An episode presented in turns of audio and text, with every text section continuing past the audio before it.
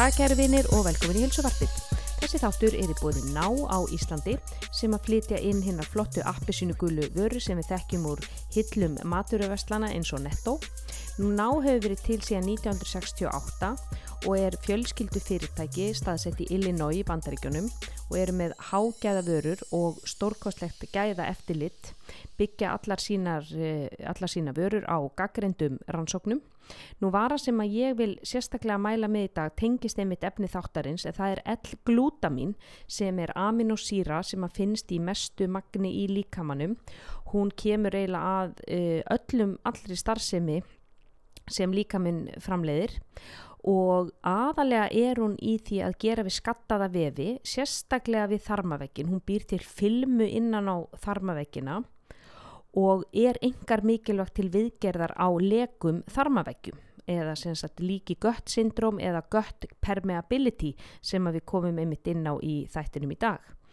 Nú auk viðgerð á þarmavegnum stuðlar L-glútamín að minni uppþembu, hún byggir upp heilbriðan og grannan vöðvamassa, dregur úr hasperum og stuðlar að heilbriðara ónæmiskerfi. Þannig að það er mjög gott að gúla smá glútamín, L-glútamín út í bara vatn áður en þið farið að sofa og þá eru þið, eru þið að styrkja við ónæmiskerfið ykkar, þið eru að koma reglu á, á hægðirnar og þið eru að gera við þarmaflórunna. Nú í þessum þætti þá tala ég við Byrnu Áspjörstóttur. Hún er hafsjór af fróðleik. Þetta er bara ein, eins og flottasta í bransanum í dag. Hún er doktor, eða stundar doktorsnám við læknadeildina og í Háskóli Íslands. Hún er með mestaragráðu í næringalækningsfræði frá University of Surrey og hefur lokið námi í gaggreindum heilbriðisvísindum frá Oxford Háskóla. Hún er uh, sérfræðingur í þarmaflórunni og var einmitt að gefa út vísindagrein þar sem að hún er að, að skoða uh, áhrif á kvíða hjá, hjá bönnum. Uh, hún er með heimasíðu sem heitir jorð.is j-o-r-t-h.is þar sem hún skrifar mikið um þarmaflóruna og mataræði og, og fleira.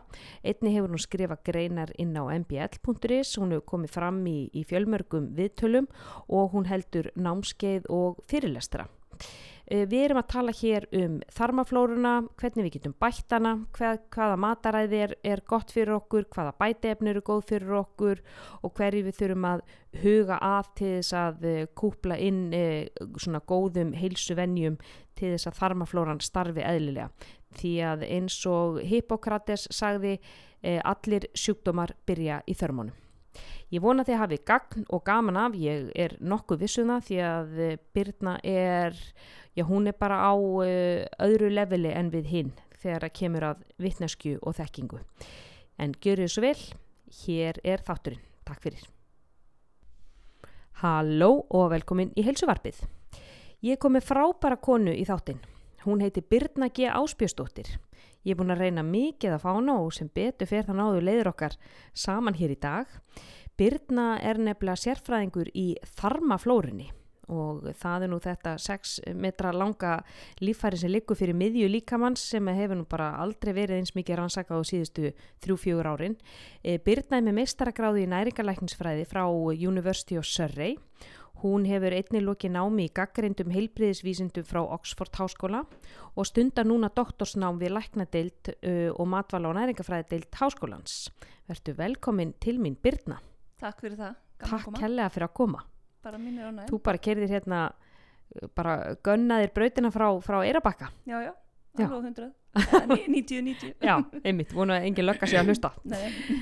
En mér langaði að spjalla við þig um þarmaflórun og eins og ég sagði á það þá er, er, hefur nú bara sjaldan eða aldrei verið eins mikið rannsökuð þarmaflóran eins og, eins og núna síðustu ár. Nákvæmlega. hvers vegna er það? hvers vegna er þessi miklu áhuga á þarmaflórun allt í einu? Góð spurning. Uh, mér finnst þetta alveg algjörlega frábært þannig að hérna, þetta er búið áhuga mál hjá mér í langan tíma Það sem ég held uh, og mig grunar að sé að gerast er að við erum alltaf bara, það er alltaf að koma fleiri og fleiri rannsóknir. Því fleiri rannsóknir, það er enda náttúrulega flestar á sama frasanum, mm. þetta þarf að rannsaka frekar Já. og það er náttúrulega hvetur til frekari rannsókna Mm. og þannig gengur þetta. Uh, ég held að hérna, og, og það er klárlega að hjálpa til að tæknin er að hjálpa okkur líka Mm. það eru miklu hérna nákvæmari greiningar í dag heldur en bara fyrir 10-20 árum síðan uh, Mm. það sem við rækt, örveru sem voru ræktaðar upp á, í svona skál Mhm. eða skálum hérna áður fyrr Mm. er hægt að raðgreina núna og skoða í, í hérna miklu og fá miklu nákvæmari niðurstöður Mm. þannig að tæknin tikkar inn og Mm. hjálpar okkur að greina og skoða og skilja betur Mm. og sjá meira og finna meira hversu mikilvæg hún er fyrir okkur þarmaflóra. Já, Já. þannig að við höfum tæki og tól til að sjá núna eitthvað sem við höfum ekki áður. Það er náttúrulega stór hluti af því að við erum að rannsaka meira. Mm. síðan erum við líka að setja hlutina í meira samingi í dag heldur en við gerðum. Náttúrulega með þessum tækjum og tólum þá getum við vita meira og þá sjáum við og getum tengt saman hluti. Til dæmis bara þarmaflóran er að hafa miklu viðtekari áhrif heldur en bara lokalt, heldur en bara inni í meldingaveginum mm. þannig að hún er að hafa áhrif á líkamsstarfsemina per se og ég vil meina að hún blanda sér nánast í allt sem er að gerast í líkamann það var nú það sem að uh, ég man ekki hvort var Sókrates eða Aristoteles Teles sem sagði allt byrjar í þörmónum Já, það var Hi- Hippokrates hérna, Það var Hippókrates, já, það var allt, allt byrjaði í þörmónu allt byrjar í þörmónum og, Já. og þ- svo kom einhver læknir síðan meira sem sagði dauðin byrjar í þörmónum Já, það var uh, Metsnikov já, Hann hann var svona öllu svart sýtni maður Já, En en, Hippó? en, hann hafði alveg heilmikið hérna, eh, Til síns fyrir máls. sér í því Mm. vegna þess að í rauninni það, hann var að vitna í ákveðna róttuna gerla sem að hérna eru í þörmónum á okkur og Mhm. ef að þeim fjölgar á mikið sem eru þá svona óhagstæðar örfurur að Mm. þá í rauninni eldumst við hraðar þá ásist það meiri öldrun og Mm. hraðari Mhm. og það í rauninni má bara segja að döðin byrjar þörmunum eða rótnunin vegna þess að við erum í rauninni þá bara rótnabíld innanfrá og er mjög svona ósmekklega sett fram Já. en það er bara pínlítið þannig en hvers vegna er heilbrigð þarmaflóra svona óbáslega mikilvæg fyrir heilsuna okkur vegna þess að hún hefur áhrif á töðkerfi okkar, ónæmiskerfi okkar geðhelsun okkar, mm. bólgufaktora Mm. og í rauninni bara hvernig meldingin á sig hérna, hva, hvað, hverju náum við út úr því sem við erum að borða Mm. við náttúrulega erum þessar maskínur sem þurfa bensín á hverjum einasta degi Mm og við þurfum bara viðhald og það fáum við úr næringunni þú segir taugakerfið. Mhm, nú er náttúrulega margar rannsóknir sínt að streyta hefur áhrif á þarmaflóruna mhm. og þarmaflóran hefur áhrif á streytuna já, þetta virðist vera bara algjör tví stefna já, eins sveppleysi hefur áhrif á þarmaflóruna já, og uh, þarmaflóran hefur áhrif á sveppleysi Mhm. þannig að þetta fer í allar áttir. Þetta er alltaf fram og tilbaka Já. og það er ekkert vita hvað er ekki og hvað er hænan. Nei. Við vitum bara bæði þarf að vera lægi mm. þannig að sagt, við getum alltaf notað uh, mataræðið að einhverju leiti til þess að hafa áhrif á flóruna Mhm. og þá hefur flóran áhrif út í kerfið eins og Mm. töðakerfið Mm og þar með getum við með mataræði, réttu mataræði alveg pottitt haft einhver áhrif á okkar, mm. á geðhilsun okkar, á okkar daglega líðan, Mm. hvernig bara við tökumst á við lífið og hvernig við í rauninni sjáum hlutina, erum við eh, rosalega neikvæð eða rosalega jákvæð, Mm það er svo áhugavert að þarmaflóran, hún hefur eh, eitthvað um það að segja, hvernig bara átlúk, átlúki okkar er, hvernig við skinnjum hlutina.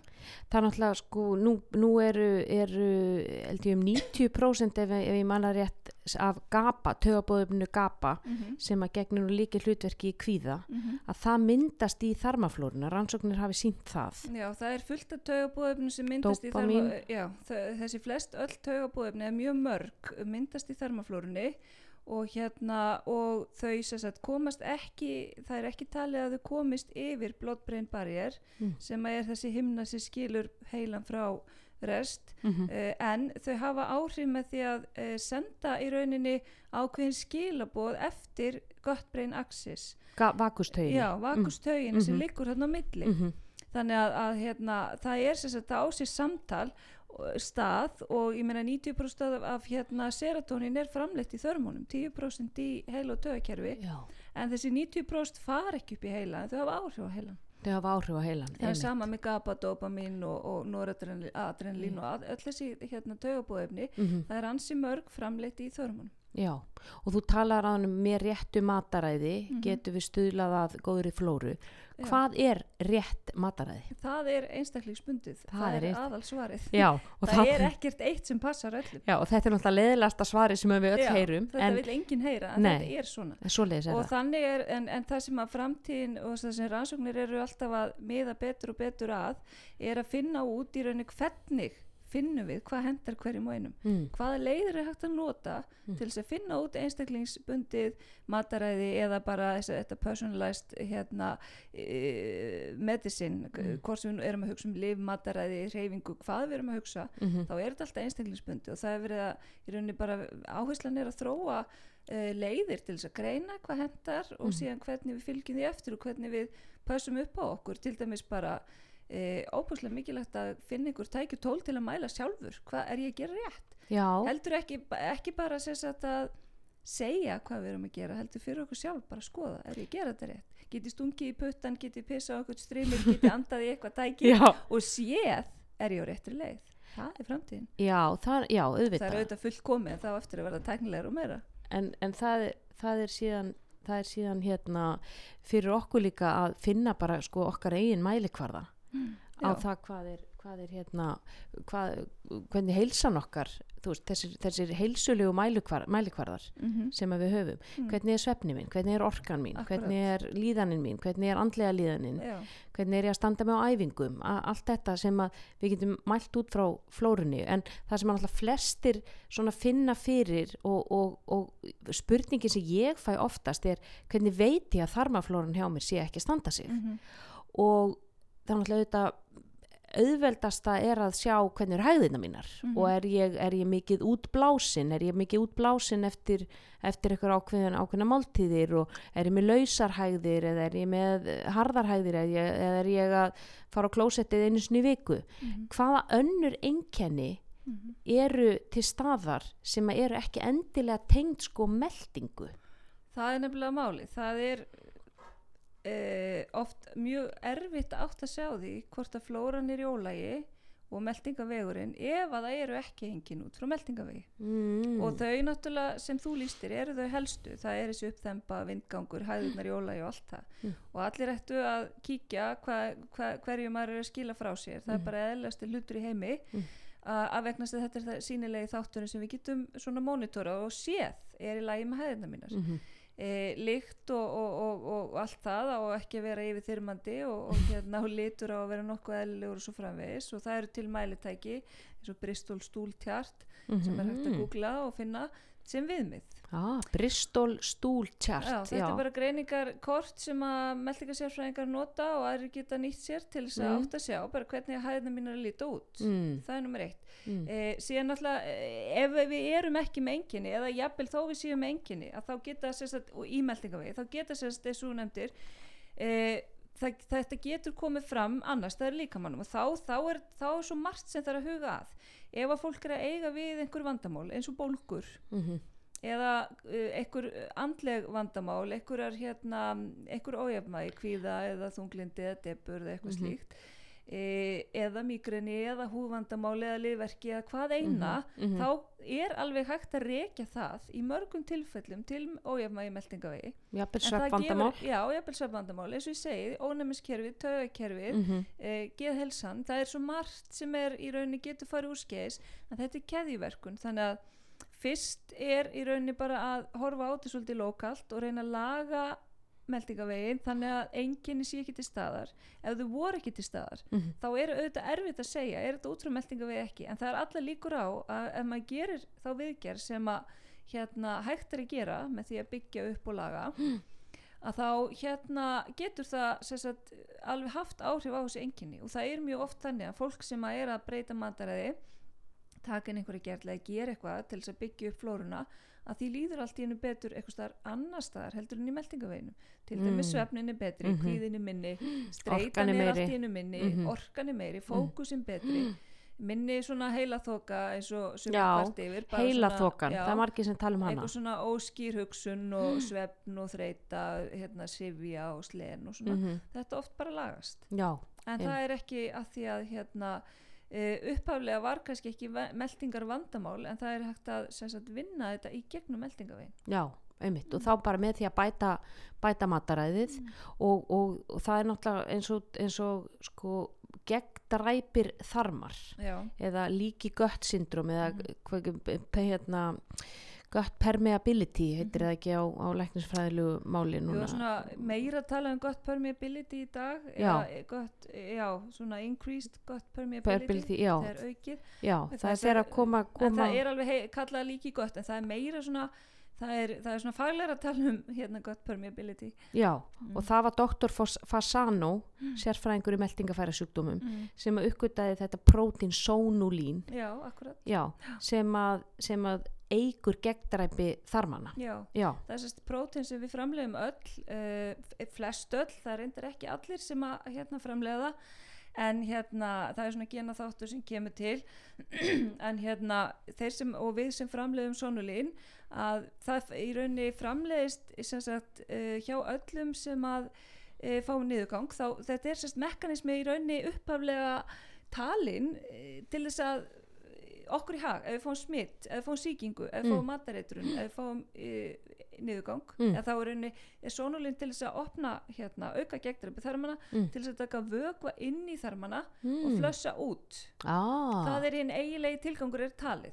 Síðan sagt kemur ljós uh, þessi Fasano, hann er sérst að gera tilraun uh, sem læknanemi á bóluefni gegn kóleru og hann hérna fær saklausa hérna samnemendur sína í smá tilraun mm. og gefur þeim bóluefni og þeir fá smá pening fyrir og, og hérna taka þátt í þessari alltaf eru þessi nefndur í háskólinum já, en nýð, nýðst á þeim Já. já, og síðan gerst það að, að hérna, þeir fá niðurgang allavega margir eða margir þannig að hann fyrir að skoða hver í gangi og þá finna þeir út að það er sérst efni sem að er í, kól, í hérna, kólerunni e, sem sagt í bakteríunni sem að hérna, hefur áhrif á þessi tengi í þörmunum mm. og það heitir þá, það er kallað SOT eða það er sem sagt eiturefni sem að sem sagt stuðlar þessu gegndrepi þau fóru að skoða þetta betur og hérna til að gera langa sögustutta að þá sem sagt náður að einangra þetta prótín þörmunum Mm. sem er sambarilegt og þetta efni sem kemur úr kólurni og hérna og þannig sagt finna þér út að þetta,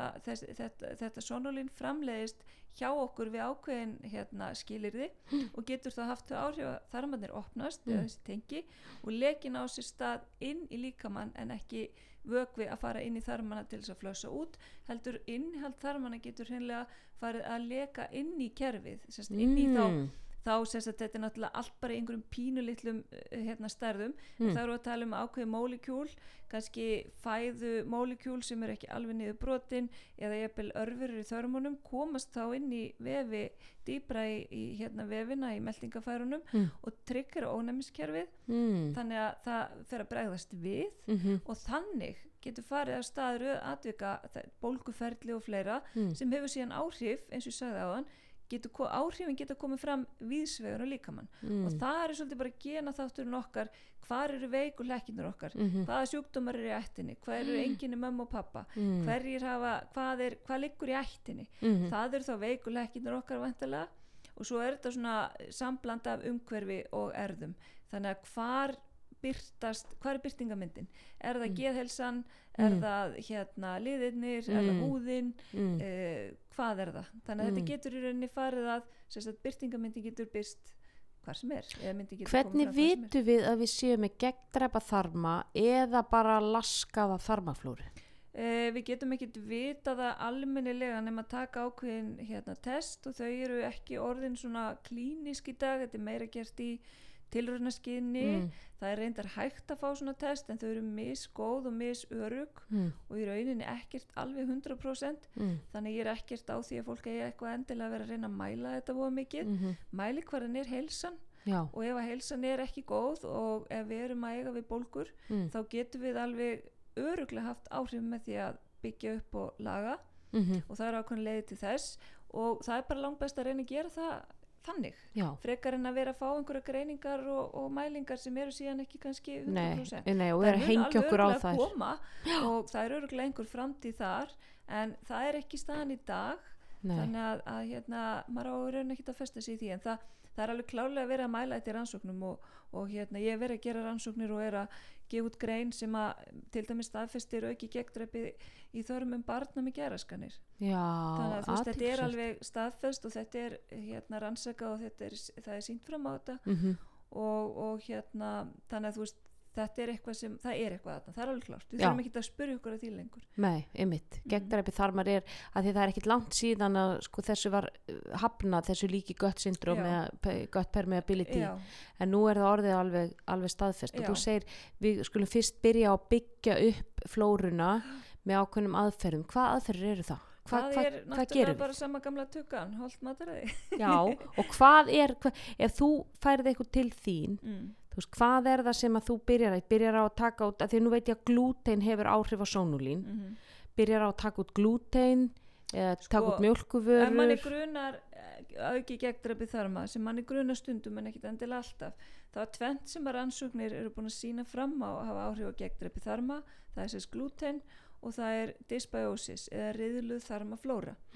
Þannig að það er mjög sterkur leikur að byrja á því að fjarlæga allt sem mögulega bara taka til Mm. hend út drasli hvað gerum við heima hjá okkur ef við ætlum Mm. að láta okkur Já. hverju má ég taka til og hend út drasli og hvað er drasl? Drasli er allt þetta unnadót Mm. mm. sigurinn og selgetið og gósið og skyndibitinn og kökurnar og, og allt bara sem er með langri innræðslýsingu Allt sem kemur úr pakka, plasti, Já. já, allt sem er óumhverfisvænt Mhm. og, og er óheilsuvænt og er með, já, langa, eins og ég segi stundum, sko, ef, að- ef að maturinn ykkar er samastendur aðalega af uh, mat sem er með lang, er, sem er með innhaldslýsingu og miða.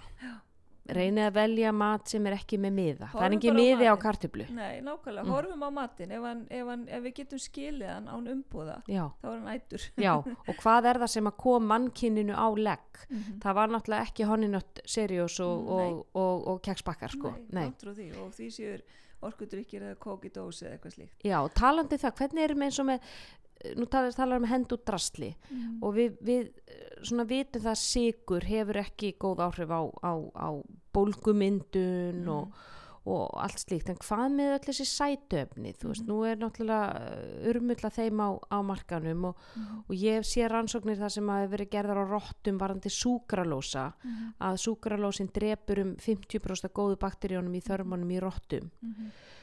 uh, hvernig er með eins og súkralósa og svoleið sem að uh, þessi gerfi sætu. Þessi gerfisæta rugglar okkur svolítið í rýminu og hún er náttúrulega í fyrsta lagi það er ekki hægt að segja hún sé hýtæningalös það er rámt vegna sem hún þó að sé 0 hýtæningar eða 1 hýtæning eða 1 kalori eða hvað, hvað er hverju er lofað þá er það eh, eitthvað sem er mælt fyrir utan líkamann. Mm. það sem í fyrsta lagi þetta gerir er að þetta gerjast í þörmunum. Alveg sama hvort það er xylitol eða e, aspartam eða, eða hvað eina hvort það er náttúrulega gerfisæta eða e, gerfisæta sem er e, framleita á, á tilhjónastofu mm þá gerjast þetta allt í þörmunum það býr til hitaeiningar. Að líka stefja já, þetta gerist allt þörmunum. Mm. og þetta myndar e, þá reyndar eftir að rannsaka stefjun á sílitólið og, og það eryþrítól Já, þá eftir rannsaka, það er, ég veit ekki um neina langtíma rannsóknir á þessu. Mm. en hérna, og þá eflust eftir, margt eftir að koma í ljós. En, en það er talið að þetta rannsaka sagt, e, það er talið að eh, hérna, þetta gerjast í, í þörmunum og myndar hittæningar Mm. og það eru rannsóknir eins og á hérna, aspartam og fleiri sem sína fram á það og þá eru við strax farin að hafa áhrif á sérst þarmaflóruna mm uh, það eru uh, hérna þessar óhagstu örverur sem virðast hérna fjölga sér frekar en þessar hagstæðu sem að vinna með okkur -hmm. þannig að við erum í raun að riðla flórunni búa til dysbiosis Mm og þar með erum við að hafa neikvæð áhrif á kerfið mm. mynda bólgur og annað mm. að því að ég sagði áðan það er glúten og dysbiosis sem að riðlar hérna, sem að eigur gegndræpi þarma. Mm, mm. að alltaf þegar við erum að riðla flórunni þá aukum við líkur á að gegndræpi þarmana aukist. Já, einmitt.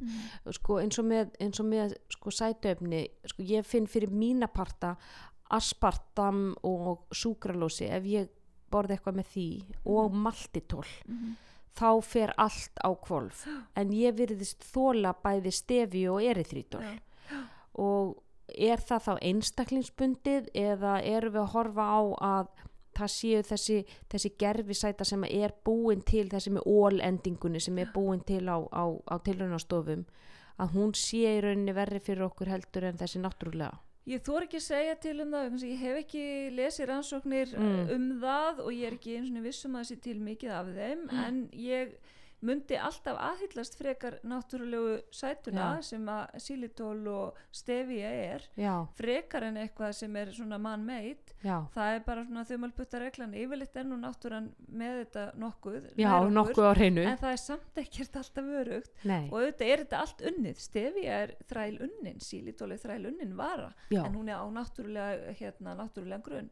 En ég meina sigur er náttúrulegur og hann er þrælunnin en hann er ekki góður fyrir okkur þannig að það er, þetta er bara þunn það er þarna þunnur þráður sko. er, þetta er einstaklisbundi það er alveg klárt en Mhm. ég held að sætan er alltaf best í sínu upprunlega formi Já. eins og inn í ávöxtunum mhm, í berjónum, í eplónum, í melónunum og svo framvegis mhm, þannig eigum við að fá sætu í korni ef við borðum kort þá er Mm. það sætt mhm, og þetta er sætan í sínu rétta með trefjónum og með öllu mhm, því sem fylgir. Mhm. Steinefnum og vítamínu sem koma með. Já, allt sem að kemur eins og að kemur, eins og maður segir að kemur beint að beljunni, sko, það, það kemur líka í sko réttum hlutföllum og já, eins og fyrir okkur uh, sem að sko borðum, borðum kjöt, þú veist, fyrir okkur kjötætunar já, að það að, að fá ég get tekið játn og ég get tekið magnesíum og ég get tekið sink og, en svo get ég líka borða steik og þá Já. er ég að fá þetta allt í réttum hlutföllum frá móðu náttúru. Akkurat og þarna er myndið svo talar um sætuna hún kemur réttu hlutvöldum og við vitum það að við höfum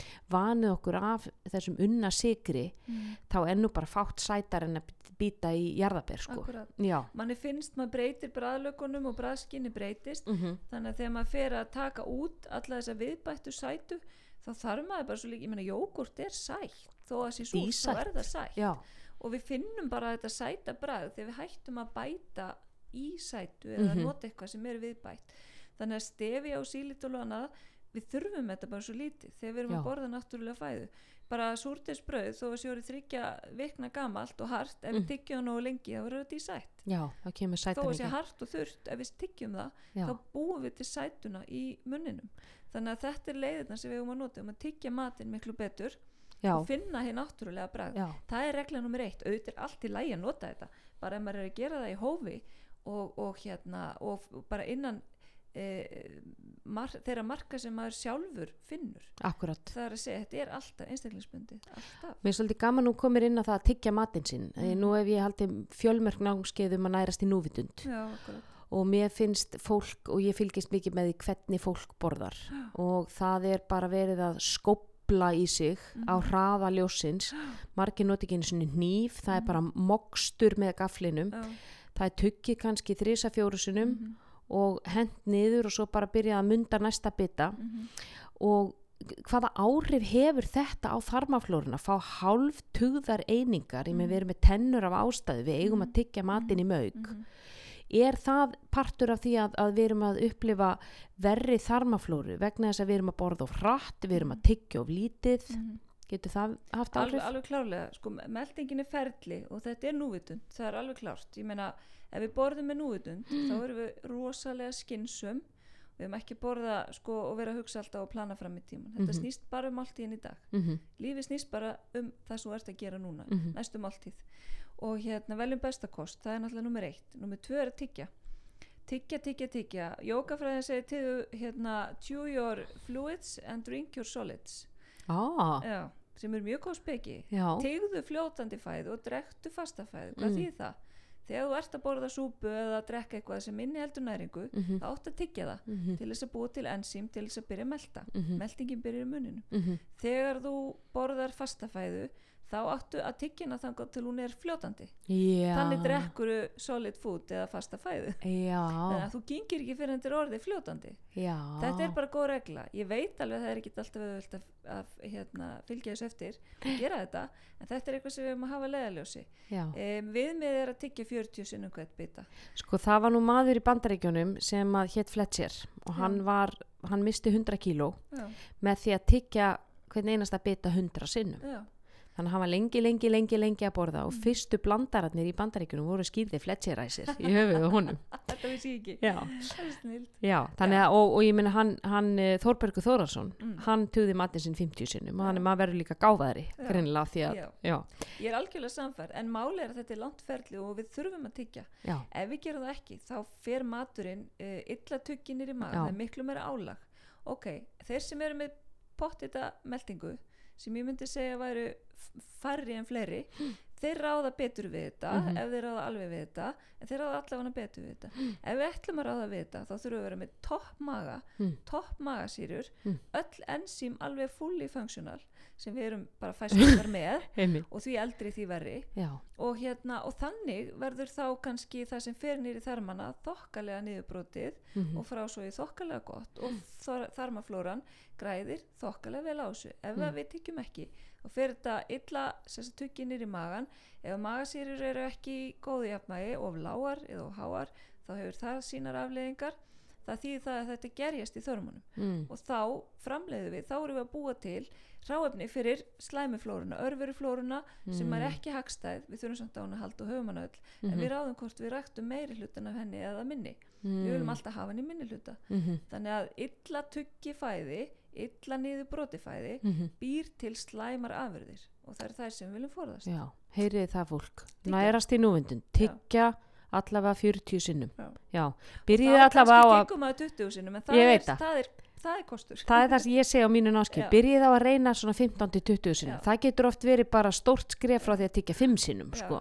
Já, og meðal maðurinn er ekki nema 11 mínútur að borða mati sinn. Já. Það getur rétt ímyndað okkur hvað við erum að tyggja mikið. við hefðum bara mjög gott að því að fara til Fraklands eða Japan og taka tvo tímana bara í Já. hátegismatinn sko.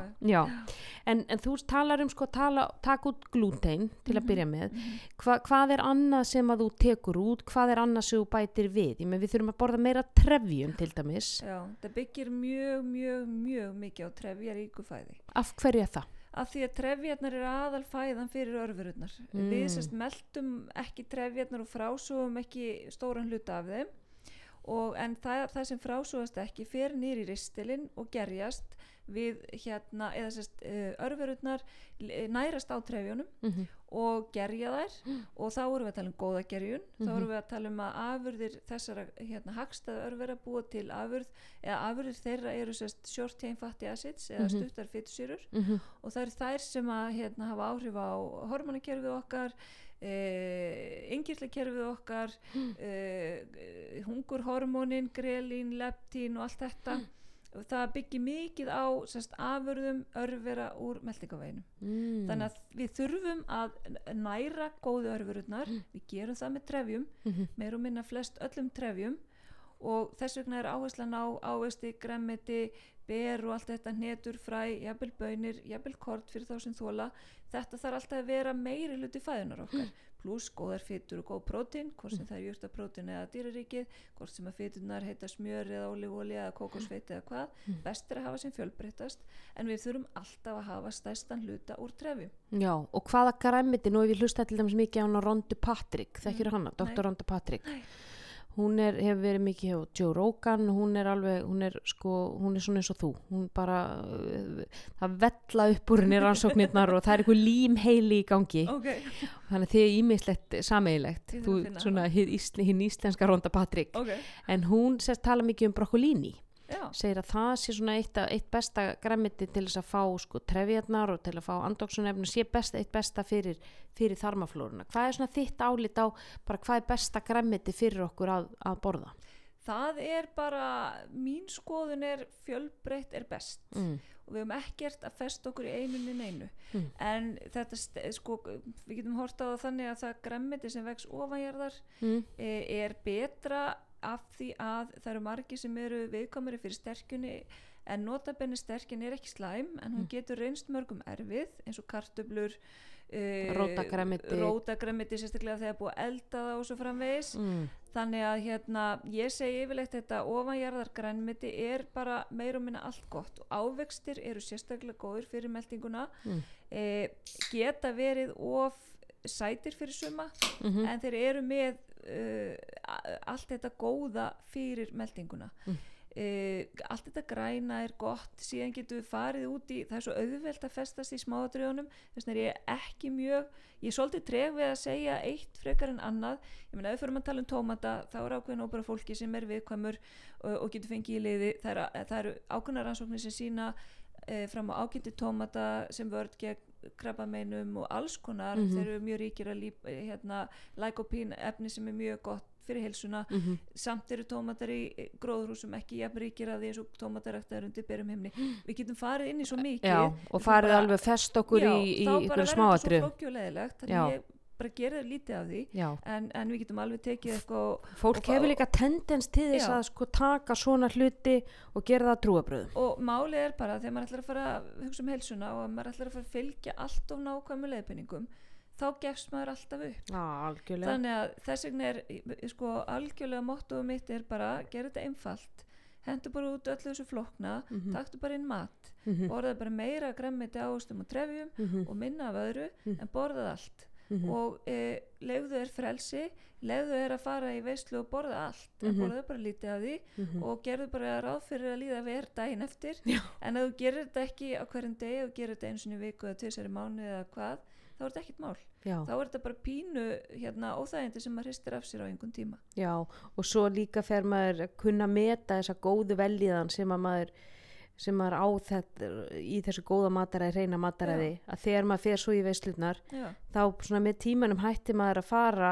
já, alltaf yfir strikið já, ve já, vegna já. þess að líðanin daginn eftir er bara ekki þess Þa, virði. það er ekki þess virði og það er svo gott að finna þetta og ég hvet alla til að pröfa. Já. bara að missa sig í vittlisu og finna svo bara hver er munurinn Já, og hvorum megin viltu vera. Það er með ekki flókið þegar maður er búin að pröfa þetta. Nei, ég fór einmitt með, með föðu minn sko sem að hún finnst nú kökur mjög góðar og ég fór með hann í batnaamælum daginn og hann borðaði einn og sér bara fimm sneiðar af maristertu. já, Já, og, já, já, já, það er engin stoppari þar og ég talaði við hann daginn eftir og segi, pappi minn, hvernig hefur það? Ég svaf ekki vel í nótt. nei, Nei, ég skal trúa því. Heldur að þú 72 ára sittum að læra reynslunni? Nei, hann, ég og örglega eftir að fara við striki í næstu veistu. já, já En, en þarna fann hann sko, hva, hvaða virkilega áhrif síkurinn hefur á, kannski einnig sneið og mikið Já, hugsanlega. Þetta er hálf kaka, sko, Já, bara einn maður. En sko, að því þú, þú talar um, talar um sko, þetta mataræði og, og að bæta við sérst, þessu gremmiti og sérstaklega sem vex ofanjarðar og svo erum við náttúrulega með, þú veist, þessu góða prótingjafa, þú veist, kjöt og fisk og tofu og tempe og allt þetta. já. Hvað með eins og góðar fytusýrur, þú veist, uh, avokado, uh, þú veist, hvað með, hvað með eins og hertar, hertafytu? Eins og, það eru ekki góð, eða sko hertar við erum að tala um hérna unnar eh, svona smjörlíki og djúbsteikt og allt þetta, Já, já. en ræða hvað með eins og smjör og, smjör er frábært. Já, og rjóma og allt svo leiðis? það er alveg fínt og, Mm. og hérna maður ætlar að vera í mjölkurvörum afurðum fyrir þá sem þóla þær að því að náttúrulega bara orðið algengt að fólk verist ekki þóla þetta en það er náttúrulega hérna út af meldingaveginum og út af flórunni þannig að það má leiðrætta svo leiðis yfirleitt Er það? já já það má, þú veist, þegar maður er orðin súper viðkvæmur þá er það út af skorta örverum og annað Já, en Þannig- það er náttúrulega líka, er ekki líka skortur á, á ensími, þú veist, lactobacillus og, og Já. að við, við, erum ekki að, við erum ekki með þessi mjölkur ensími til þess að brjóta niður já, prótínin við, og ef við laktósan. framlegum ekki laktasa sem er Já. ensimi sem að klífur niður laktósan að þá hérna e, það getur auðvitað verið genatíst og það eru heilu þjóðirnar sem eru hérna viðkvæmari fyrir Mhm. laktósa til dæmis en hérna en við getum alltaf bætt okkur það annarkvort með því að taka inn bara laktósa, Mhm. laktasa Mhm. eða þá að hérna e, með því að ebla flóruna og maga sýrur og kerfið að þá ráðum við oft á tíðum betur við þetta. Mm, þó við séum kannski, getum ekki endilega alveg losa okkur við það, þá getum við alveg haft áhrif á þetta. Mm, og eins með glútinni nema að við séum að tala um síliak sem er náttúrulega sjálfs ónæmi sjúkdómi já, sem við breytum ekki og, og er ekki komin einn lækning við ennþá nema að halda sér frá glútinni eins og með mjölkur óþól og, og svona, nú eiga margir mjög erfitt með mjölkuvörur og, og því, svona, því meira sem að tekið út af þeim, Já. því erfiðar ámaður með þær, þannig Mm. að e, ættu við að stunda smá skamtalækningar og fá okkur alltaf pínlítið smá rjóma Já. og bara til þess að sko viðhalda flórun og leifin að, að framleiða það er akkurat málið, sko, ef við tökum þetta út þá er alveg þekkt að fólk bara hreinlega verður Mhm. fær eins og hálgjört óþól þannig að ég er algjörlega á því að við eigum ekki að gera mataræð okkar of einhæft. Þá lendum við líka út í hotni því að þetta er sko ónæmisk, stærsti hluti ónæmiskerfis er í þörmónum Mm. Eh, við erum alltaf að tala um tvent núna, ég er að tala um ónæmiskerfi og ég er að tala um sagt, bara meldingavegin og hans hérna uh, tækju tól til þess að brjóta niður sem Mm. eru ensíminn meðal annars en ef við hérna hættum að borða eitthvað þá eru við, þá eru bara leti í kerfinu þetta er Mm. svo, við förum ekki í ræktina þá Mhm. rýrna vöðvarnir Mhm. og við missum þol, við getum alltaf byggt upp aftur Mhm. með því að lifta, hlaupa, Mhm. skokka, synda, hjóla, hvað við gerum. Sama með mataræðið. Ef við erum viðkvæm fyrir einhverju og það er ekki svona genetísku þáttur eða eitthvað sem er meðfætt eða er ofnæmi eða eitthvað slíkt, þá getum við þjálfað þetta upp að einhverju leiti. Mhm. Bæði með því að bara taka inn fæðuna í litlum sköndum eins og þú segir e, og eins með því að nota hægjur eins og meldingar ensím og gerla og annað. eins og til dæmis gerla, góðgerlar Já, uh, núna til dæmis vinn ég með, með fyrirtæki sem heitir Ná já, og uh, eru þessi appisínugulu hérna frá bandaríkjunum já, og þeir eru með góðgerla probiotics Mhm. og eru náttúrulega með ymsar tegundi Mhm. probiotics defense og svo eru 25 biljón og 50 biljón og, mhm, og fólk er ofta ekki viss um svona hv- hvort það ég að taka þetta, hversu mikið hvar á Mhm. ég að byrja mhm, sko nú ef við séð til dæmis að rannsóknir sem að eins og eina meta-analýsu sem síndi fram á sko að það var bara stór mingun í kvíða hjá fólki sem tók góðgerla mhm, þannig að þetta virðist vera að hafa áhrif allavega í þá átt mhm. hvert er þitt álit á, á góðgerlum? Góðgerlar eru bara frábærir en það er bara mjög erfitt að leiðbina fólk í dag um hvað á að taka eða hvort á að taka góðgerla Mm. vegna þess að flesta rannsóknir eru ekki á því level að það sé hægt að tala um ákveðnar tegundir. Þetta næri yfirleitt yfir stopna Hmm. og við, þetta er ekki orðið nógu spesifik til að sé hægt að nota ákveðni gerla við ákveðnum enginum. Eh, það eru til rannsóknir og það eru til gerlar sem hafa verið rannsakaðir betur en aðrir. Þannig að þegar við höfum eitthvað í höndunum já, alveg klárlega og við getum sagt þessi gerill virkar gegn þessu eða eitthvað slíkt þá er það alveg, alveg frábær leið. Mm. við getum auðvitað tekið einn gerla og pröfa okkur áfram sjálf. Það er bara ekkert að því. En við þurfum líka að vera varkáður vegna sem við getum líka skapa ójöfnægi Ó, að, og það er náttúrulega vegna þess að við þurfum að vita baseline okkar hvar, hver er staðan. Og eins og ég sagði upphafi þá er í raun ekkit einföld leið til þess að mæla það. Mm.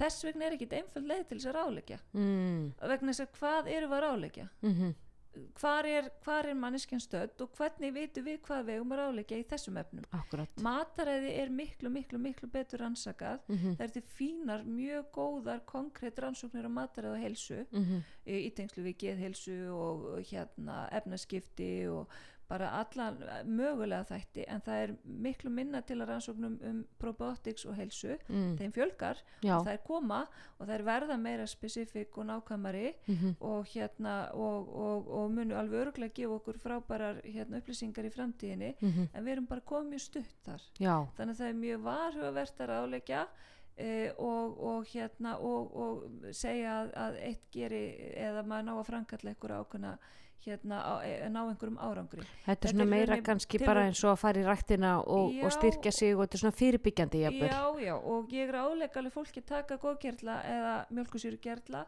en maður er pínlítið að, að ráleggja með bundi fyrir augun Já, og fólk er pínlítið að þreyfa sig áfram í myrkri en Já. þannig verður það bara að vera já, og kannski byrja einmitt á vægum gerlum frekar en að hoppa beint í sko Já.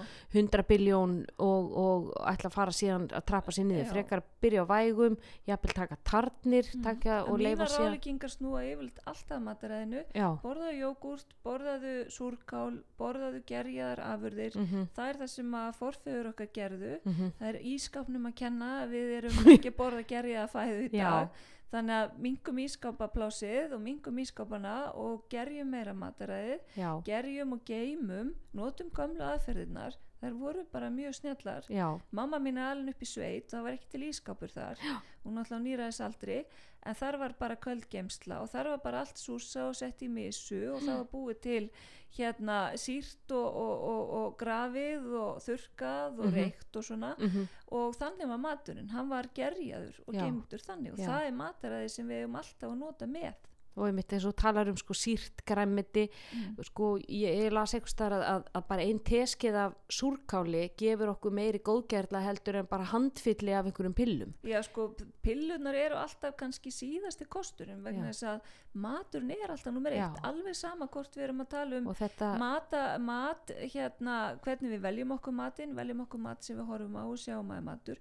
Það er sama með gerlana, veljum okkur gerla í mat, þar sem við vitum að þeir eru í ákveðnu samlífi, það er svona symbiotic dæmi í gangi sem er svona s- hérna, það er ákveðið vistkerfi Mhm. við erum eigum að innbyrða vistkerfi ef við horfum á pillu hvort sem að það er hérna probiotik í pillu eða dufti uh, þá náttúrulega sjáum við einhver gerla. Það er að segja okkur að sé svona og svona mikið í þessu en Mhm. við sjáum það ekkert. Nei, en ég ekki að segja að það að- sé ekki en, en þetta er bara sama prinsipið hjá mér. Veldu alltaf þessu horfir á og veist hvað er og, og, og notaði það nummer 1 og 10 Já. hitt er svona hækja eða add-on við getum tekið enzim, við getum tekið gerla Mhm. það getur of, oft hjálpað en við erum pildagíska Já, Mm. og einmitt e- eins og segir sko að að fara þá í merki og, og, og afurði sem að við tristum sem að eru þá eru sko, sem byggja á rannsóknum Já, og það er eru mjög gott að gæða kynna sér rannsóknir alltaf, maður ætlar Já. að taka eitthvað. Er búið að rannsaka þetta, er það rannsóknir fram, uh, framkvæmdara fyrirtækinu? Er það rannsóknir framkvæmdara óhæðum aðila, það skiptir máli. Og gæða trúverðuleika, hver styrkir saman. rannsókninu svo framvegis? Já, einmitt, einmitt, það er, þetta er mjög mikilvægt. Mm. en, en uh, að, að því við vorum að tala um, um eins og segi, mataræði skiptir öllu máli og, og þetta sýrða græmmeti sem að, þú veist, þetta gamla súrkál, misan svo kombucha drikkirnir uh, kimchi, uh, þetta er náttúrulega svona sem að þekkist í, í kóru Já. hvað er það í þessu sýrða Mm. sem að hjálpar þarmaflórunni svona svakalega mikið það eru náttúrulega bakterjur í þessu sýrða þegar þú byrti súrkál þá bara gerur ekkert nema að rífa niður hvítkál mm -hmm. og setja salt og láta þetta í skál á örstutum tíma byrja bakteríunar og örfururnar sem lifa á, á hérna kvítkalinu byrja að, að gerjast það Mm. myndar hérna salti dreif og safa úr kvítkalinu mm. og það myndast hérna eh, eh, kjör aðstæður fyrir hérna bakteríunar að, að fjölga sér Mm. og þær byrja að fjölga sér og þannig myndast gerjun og þannig byrja þær að lifa á sigrinum og, og hérna í kálinu og, og gerjana gerjasigurinn saman með léttvín og annað að það myndast hérna bakteríunar borða sigurinn og mynda gerjun og þannig færðu sér sagt innan gæsalapa hálf melta fæðu það er byrjað að melta hana fyrir þig þannig mm. Mm. er auðmeltanlegri og afurðunar sem sagt, eða fylgi hvað segja, það sem þú færði kaupa þetta eru bakteríunar sem þú þarft að hafa í, í hérna, þörmunum eins og lactobacillus Mm. sem er mjög rík hérna, örvera sem sagt, eða baktería í súrkáli mm. og þessum gerju afurðum Mm. lactobacillus og, og bifidobaktería og þetta í jógurtun og svo Mm. þetta eru þá örverurnar sem við þurfum til þess að hafa í þörmunum Mm. sem eru þá þessi góða flóra Mhm. og auðga okkar flóru Já, þannig við þurfum alltaf að hugsa í sérst, að fá eitthvað í þarmana sem að inniheldur á einhverju hluta örverur og einhverju hluta trefjar og þar saminu við þetta í súrkálinu. Ah. þetta er sagt svona hérna symbiotic í rauninni uh, lífriki þar sem hún færði í rauninni trefjar og örverur í sömu uh, skeiðinni. Já, eða sama bitan en það er þetta ég verið stundi verið að kaupa hérna súrkál eh, heitir súrkál fyrir sælkera uh, íslensk framleiðsla. Já, og þeir eru með alveg frábær eitt sem heitir uh, held ég pulsusúrkál eða eitthvað svo leið sko. já, pilsukáli góða. Já og svo er þið með hérna rauðkál og þetta er alveg dundur að henda þessu út í salat eða fá sér með bara þó að sé ekki nema ein tvær teskiðar. Já. ég finn stóran mun á minni flóru. Já, það er mjög gott að bæta svona við. Það er mjög fínt að geta keift þetta þetta eru frábæra vörur og Mhm. síðan er það hérna einfaldast í heimi að búa þetta til. Já, svo getur maður skellt í þetta einmitt, en skemmtilega að gera sjálfur. Einmitt, akkurat. Og það er ekki svona, kannski einmitt í COVID-inu held ég að margir hafi verið jafnvel komnir þangað í súrdegsbakstur og já, gerjunarpartí á mörgum stöðum. Er súr, hérna, súrdegsbrauð og súrkál og kombucha og nýsköpun það er svo Já. gaman í, í hérna, krísum þá fyrir við nýsköpun. En akkurat, ég ætla að klára því að spurði með fetunar á en Já. ég nefnilega er, hérna, vil ekki, ekki svara spurningu.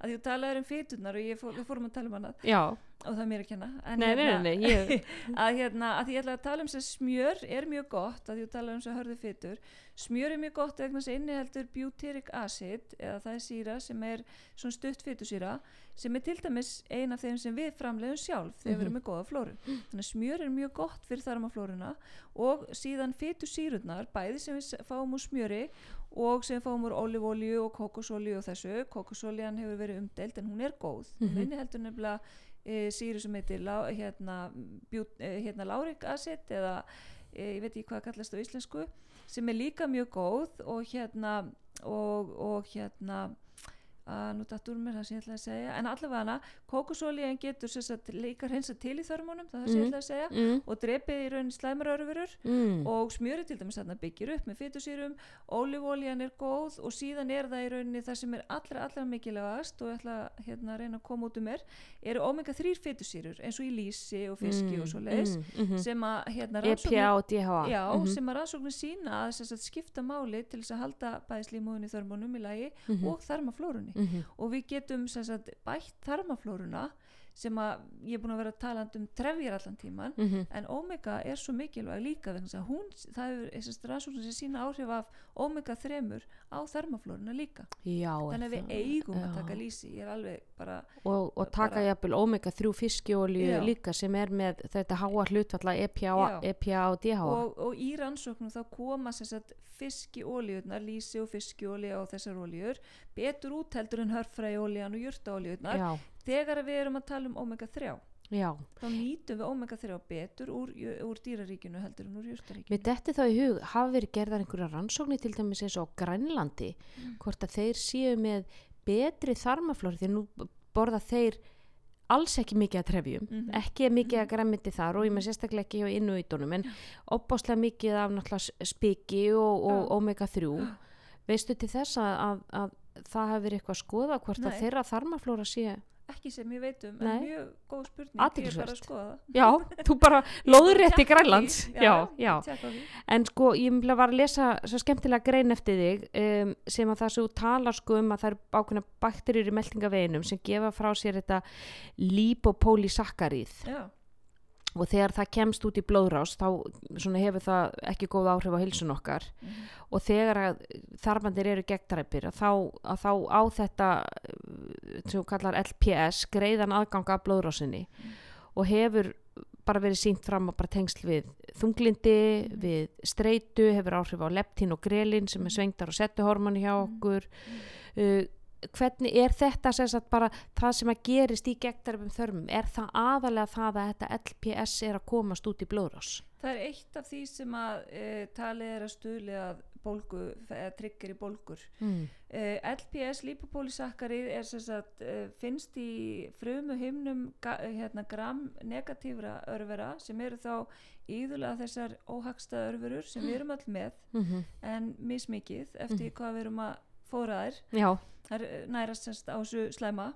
Þannig að hérna ef við erum með mikið af þessum örverum og þær, þær gefa frá sér þessi efni sem er í, í frumu heimnunni að þá geta þessi efni sem sagt, eh, það er eitt af því sem að tryggar þetta gegntrepi og Mhm. þegar að þetta lipopólisakkara finnst út í blórás eða er komið út fyrir þarmana að þá sagt, hefur það verið tengt við, svo segir, þunglindi og ímsa sjúkdóma. Mm og, og hérna og í rauninni leiðin tilbaka er að vinda ofan að því náttúrulega breyta flórunni draga úr gram negatífum örfurum úr þörmunum, í Mhm. þörmunum -hmm. og þar með að græða líka þarmaveggina til þess að, í rauninni, að þessi leki hérna eigi sér ekki stað. Þetta er í rauninni staðfesting á, á, vissum, á vissanhátt uh, lekum þörmum eða að auknu gegndrepi og við getum sé gert við þarmaveggina nú hef ég lesið ofta að L-glútamín aminosýran hafi verið notuð til, í, í, því, þeim tilgangi hún búið til filmu inn á þarmaveggina -hmm. sama með kollagenprótín mm -hmm. að það lægi líka þarmatóturnar hefur hefur heyrt eitthvað um það? Ég veit að, að L-glútamin, það eru rannsóknir sem sína að, að, að það hefur áhrif og örvar hérna, það örvar frumuskiptin í, í hérna, einstalagi þarma eh, eða ístalagi við horfum innanfrá. Fyrir, fyrir eftir hvorum megin við horfum á þetta. En hérna e, þannig að L-glútamin þekki og veit og það hefur rannsaka ég, ég, veit ekki með kollageni, það er Mm. alveg lókist að hjálpi en ég hef ekki séð neina rannsóknir en ég hef heldur ekkert verið að skoða nei, nei, en ég meina kollagen fáum við náttúrulega bara ef við sjóðum bein í potti þá fáum við algjörlega. hérna bónbróð eða beina svoð Mhm, mhm, þannig að það er ein leið eitt af því sem er oft ráðlagt og, og hérna virðist hjálpa fólki. Mhm. þannig að kollagen vantarlega hjálpar og, og þessi góðu steinefni sem við fáum ef við gerum þetta bara heima í bóttunum og, stú, og stút full af gelatíni og þessi er alltaf bara lím nákvæmlega. líkamann sko. Já, já, þannig að þetta er alveg leiðir til að nota. Leiðin sem maður notar náttúrulega þegar maður er að græða þarmana er faktist bara henda út slæmufæð og taka inn meira gott fæð og þá gerst þetta sjálfur sér. Ef þú ættir að velja eina dundur máltíð fyrir þarmaflóruna mm hvernig liti svo máltíð út Það væri bara samsetning, það væri sennilega uh, feitur fiskur, ég fengi lax eða sílung sem væri svona ekki eldisfiskur, það væri Mm. það besti kostur, mm -hmm. þó að ég borði það alveg þó að það sé eldis vegna þess að það er næst besti kostur, Mhm. maður er alltaf að velja það sem er í bóði. En ég myndi fá mér lax eða sílung, ég myndi fá mér, ég ba myndi baka hann í opni með smjöri Ú, og ég myndi fá mér alveg helling af hvítlaug já, svo myndi ég fá mér alveg risamalt hérna, skála salati með Mhm. öllu mögulegu gremmiti og ég myndi helli yfir það hérna, kvítlausolju sem ég myndi búið til sjálf úr, úr grætni olju, lífrætni og kreista út í hana kvítlaug og ég myndi Mhm. saxa yfir þetta kryddjurtir, steinselju, basiliku og hérna dill og eitthvað svona sem passa við fiskin og svo myndi ég hérna uh, ég myndi fá mér gott hvítvinsglas þurrt já. mér nota hvert tækifæri sem ég get uh, fá mér eitt gott léttvinsglas. Uh, það er gott fyrir flóruna. Og svo myndi ég setja svona súrkál líka með þessu eitthvað gott. Þetta er svona í fljótu bræði það sem ég myndi fá mér Já. um, og myndir ekki fá þér neina sterkju enga karteblur eða nei, Nei. nei, ekki svona mér finnst það eh, ef ég myndi fá mér sterkju þá myndi ég fá mér hvít rískrón sem ég væri búin að sjóða og kæla. Akkur hvít? að því, að því þau eru betri fyrir þarmaflóruna þegar búið að sjóða þau og kæla þau. Hvað gerist þá? þá breytast þau í svona fæði sem að flóra nýti sér meira og frásó, þetta frásóðustu mjög lítið og verða í rauninni bara fæði fyrir flóruna. Hvað er það sem gerist í kælingunni? það verður svona resistant sterkja eða svona sterkja sem að í rauninni bara frásóðust ekki já, það verður bara ákveðin kemikal breyting. En ef við hittum þau upp aftur þess breyt, þú mátt það það bara að þú er búin að sjóða þau og kæla þau. En af hverju hvít en ekki brún? Í það er bara talið betra. Já, ég hef ekkert lagst yfir það, ég get Nei. vel ekkert svarað því. Það er að við en ég myndi samt ekkert endilega gera þetta en ef ég myndi bæta við sterkju þá myndi ég gera þetta. Já, þá myndir við gera þetta. Mm. þannig að fyrir okkur hérna crossfit sjúklingana sem þurfum, þurfum kolvetnin þá er það bara hvít rískrón kæla þau já, með laxinum, hvítinu salatinu, súrkálinu og ég myndi, ólífóljunu ég myndi fá mér avokado og hnetur líka. Ú, þetta er alveg dundum hvenna á ég mæta? Komum bara í hátíðismat en Birna, þú ert náttúrulega bara sko ótæmandi brunnur af visku og ég er svo þakklátt fyrir að, að við gátum við gátum náð saman. Já, bara mjög gaman þú ert með flotta heimasíðu sem heitir jörð mm -hmm. j-o-r-t-h.com eða punktur, is. punktur is. Já, sem þú er haldið út alveg síðan hvað, 2008 ah, já, ekki leis ég bara er allt og lélega að skrifa og mildi ég var að gera miklu meira en ég hef Mm. tíma nei, einmitt, en það, það kemur það kemur já, það vantar fleiri tíma í sólaringin hjá Já. upptekinni konu já. en hún sess að það ertu með, það ertu með ímsa, í, fróðleik um Já. það sem við höfum verið að tala um hér og, og, og margt fleira kringum Mhm. þarmaflóruna og mataræði og allt slíkt Ein, eins hefur verið að skrifa pisla inn á, inn á MBL já, gerði svolítið því á sínum tíma já og þú ert að kenna í háskólanum? Já. já, kenni með, ég er í námi náttúrulega í doktorsnámi þannig að ég er að kenna með því. Og hérna, svo held ég náttúrulega reglulega fyrirlestra upp í endumöndun, ég er svolítið duglega að vera með fyrirlestra þar. Mhm, mhm, þar er ég með fjóra fyrirlestra alltaf svona sem ég er búin að rúla í nokkur ár og bara alltaf uh, vel sóttir. Og svo erum við með námslínu. Mhm. ég er með tveimur sálfræðingum þar líka sem við erum hérna uh, það heitir hugur og nú og, eitthvað og svo er ég með svona já, námskeið þar fyrir hérna bæði heilbriðstarfsfólk og bara almenning þannig Já. ég er svona alltaf eitthvað að- alltaf eitthvað að grúska og, og, Já, og já þannig að almenningur getur sótt námskeið hjá þér já, já, já, já.